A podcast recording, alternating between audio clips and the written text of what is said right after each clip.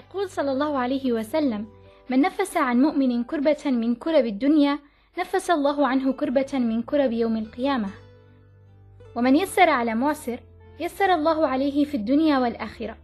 ومن ستر مسلما ستره الله في الدنيا والآخرة. والله في عون العبد ما كان العبد في عون أخيه. إلى آخر الحديث. لعل الحديث هذا ياخذنا لموضوع كبير ومهم واجد وتأثيره مش بسيط على حياتنا. ومع ذلك واجد منا غافلين عليه وهو موضوع تقديم العون للغير بأي شكل من الأشكال. ولأهمية الموضوع قررنا في مفاز أن نسلط الضوء على موضوع مساعدة الغير في حلقتنا السادسة من البودكاست. آملين إنها تنال إعجابكم واستحسانكم وتسيب الفائدة المرجوة. فالسلام عليكم ورحمة الله.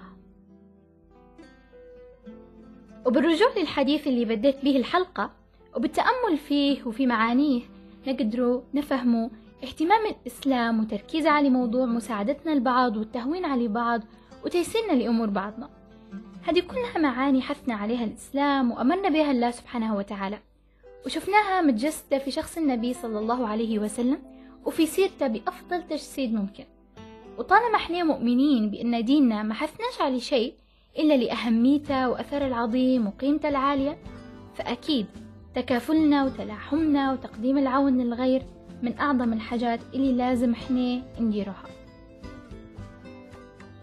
يعني تخيل إنك تهون على مسلم شدة من شدائد الدنيا ولو بكلمة أو نصيحة ربي يجازيك بها إنه يهون عليك من كرب يوم القيامة.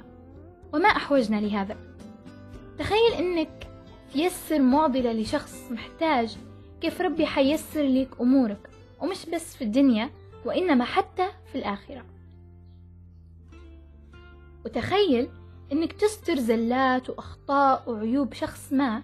ربي يستر عيوبك وزلاتك وسوءك ومش بس في الدنيا حتى في الآخرة. والله في عون العبد ما كان العبد في عون أخيه. بالله في أجمل من هيك. مجرد ما أنك تكون في عون حد ولو بكلمة أو استشارة أو نصيحة أو مساعدة مادية أو أي نوع من المساعدات اللي تقدر عليها. ربي يكون في عونك ديما. وش نبو أكثر من أن نكون ديما في معية الله ويكون عز وجل ديما في عوننا؟ لا أعتقد أن في حاجة أعظم من هيك. بس للأسف مع عظمة معنى العون والمساعدة وتنفيس الكرب وغيرها في ناس مازال مش حاسة بالمعاني العظيمة هذه وتحسب في مساعدتها لغيرها. وتراجي في رد الجميل من الناس اللي ساعدتها. وتقعد تتمنن على غيرها بيهم وأحيانا يوصل الموضوع للإهانات والذل وتصرفات بعيدة كل البعد على إنها تكون تصرفات أخلاقية ونابعة من شخص قيمة عالية. والناس هدي يريحوا في أجر عظيم جدا بيدهم وفي ناس تانية اللي تنظر لأي حد يلجأ لها أو يطلب منها المساعدة أنه شخص مصلحجي ويجيهم وقت المصلحة وتلقاهم يقولوا في الكلام هذا بكل ثقة ويحسوا بشوية كبر وغرور وكأن اللي عندهم مش حيكون عند غيرهم. وكل مرة نقابل فيها الموقف هذا يخطر على بالي قول جميل منتشر من فترة. ما نعرفش مصدره بالضبط ولكن بمعنى إن لما يتقصدك حد في مساعدة ما ما تقولش إنه يجيك وقت المصلحة لكن قول الحمد لله الذي سخرنا وأكرمنا بقضاء حوائج الناس.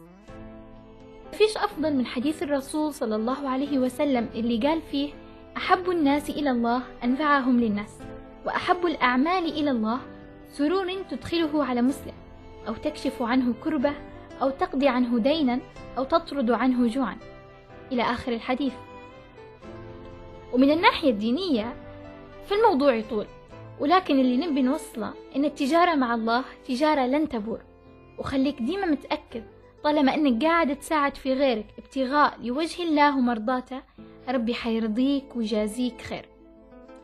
طبعا هذا فضلا على الدراسات العلمية اللي تثبت أهمية تقديم العون للغير والتطوع لتقديم المساعدة وتوجيه الغير وإرشادهم وإسعادهم وتقديم النصيحة وقول الكلمة الكويسة اللي تسيب تأثير إيجابي على غيرنا.